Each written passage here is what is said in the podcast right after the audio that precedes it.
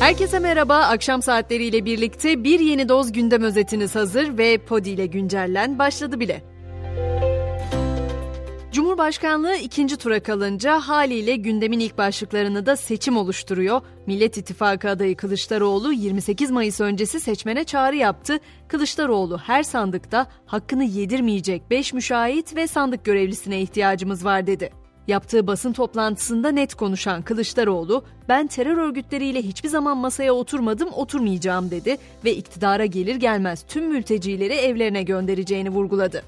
CHP'de bilgi ve iletişim teknolojilerinden sorumlu Genel Başkan Yardımcılığı görevinden istifa eden Onursal Adıgüzel'in yerine getirilen isim de belli oldu. Görevi Doğu Masası Koordinatörü Devrim Barış Çelik yönetecek.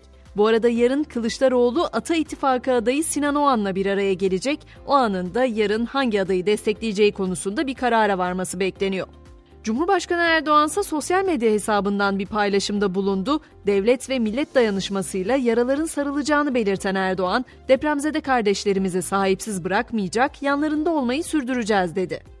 YÖK'ün de dikkat çekici bir kararı var. Dün özellikle muhalefet kanadından bu konuda ses yükselmişti. 28 Mayıs'ın üniversitelerdeki final sınavına denk gelmesi nedeniyle seçim ayarı yapıldı. YÖK ikinci tur oy verme işlemleri nedeniyle bahar dönemi sınavlarının 1 Haziran'dan sonra yapılmasına karar verdi. CHP de ikinci tur için demokrasi bileti kampanyasını yarın itibarıyla tekrar başlatacağını duyurdu. Gençlerin oy kullanabilmesi için 3 gün boyunca hem talepler hem de bağışlar toplanacak.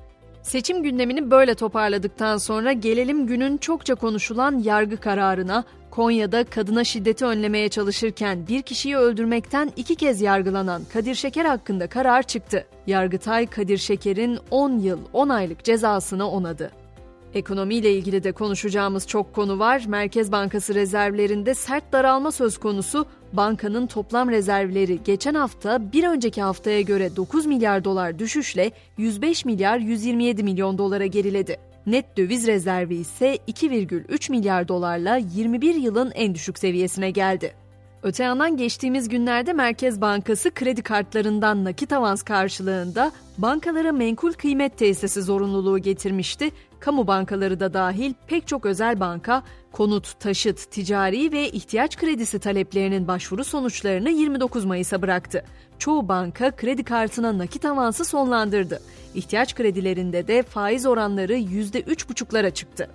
Tabi piyasalardaki seçim hareketliliği de sürüyor. İkinci el otomobil piyasasında fiyatlar fırladı. İstanbul Motorlu Araç Satıcıları Derneği Başkanı Ocak-Mayıs itibarıyla ikinci el otomobil fiyatlarının %50 oranında yükseldiğini açıkladı.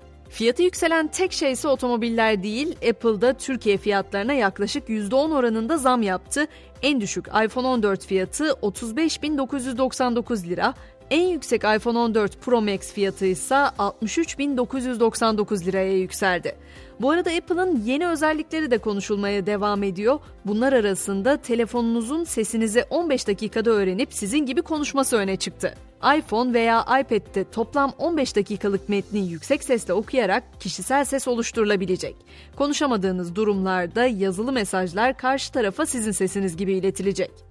Hazır teknoloji dünyasına geçmişken Google'ın da kumar uygulamalarına izin verilen ülkeler arasına Türkiye'yi de eklediği haberini vereyim. Artık Türk kullanıcılar uygulama mağazası olan Play Store'dan gerçek parayla oynanan kumar uygulamalarına erişebilecek. Peki sınırlarımızın dışında neler oluyor? Amerikan donanmasına ait bir savaş gemisi Güney Kıbrıs'a demir attı. Olaya tepki gösteren Kuzey Kıbrıs Türk Cumhuriyeti lideri Tatar, atılan adımların tansiyonu yükseltebileceği uyarısı yaptı. Ankara'da Kuzey Kıbrıs Türk Cumhuriyeti'nin tepkisini destekledi. Amerika Birleşik Devletleri bu politikalarını gözden geçirmeye davet edildi. Hazır Amerika'dan söz etmişken ABD'nin Montana eyaleti TikTok'u yasakladı. Böylece Montana ülkede uygulamayı yasaklayan ilk eyalet oldu.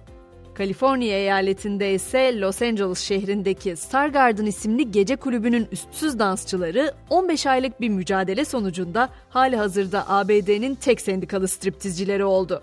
Striptizcilerin sendika tarafından temsil edilmeye hak kazanması, sahne oyuncuları, şarkıcılar ve dansçıların asırlık sendikasının ilk kez striptiz kulübü emekçilerini temsil etmesi anlamını taşıyor.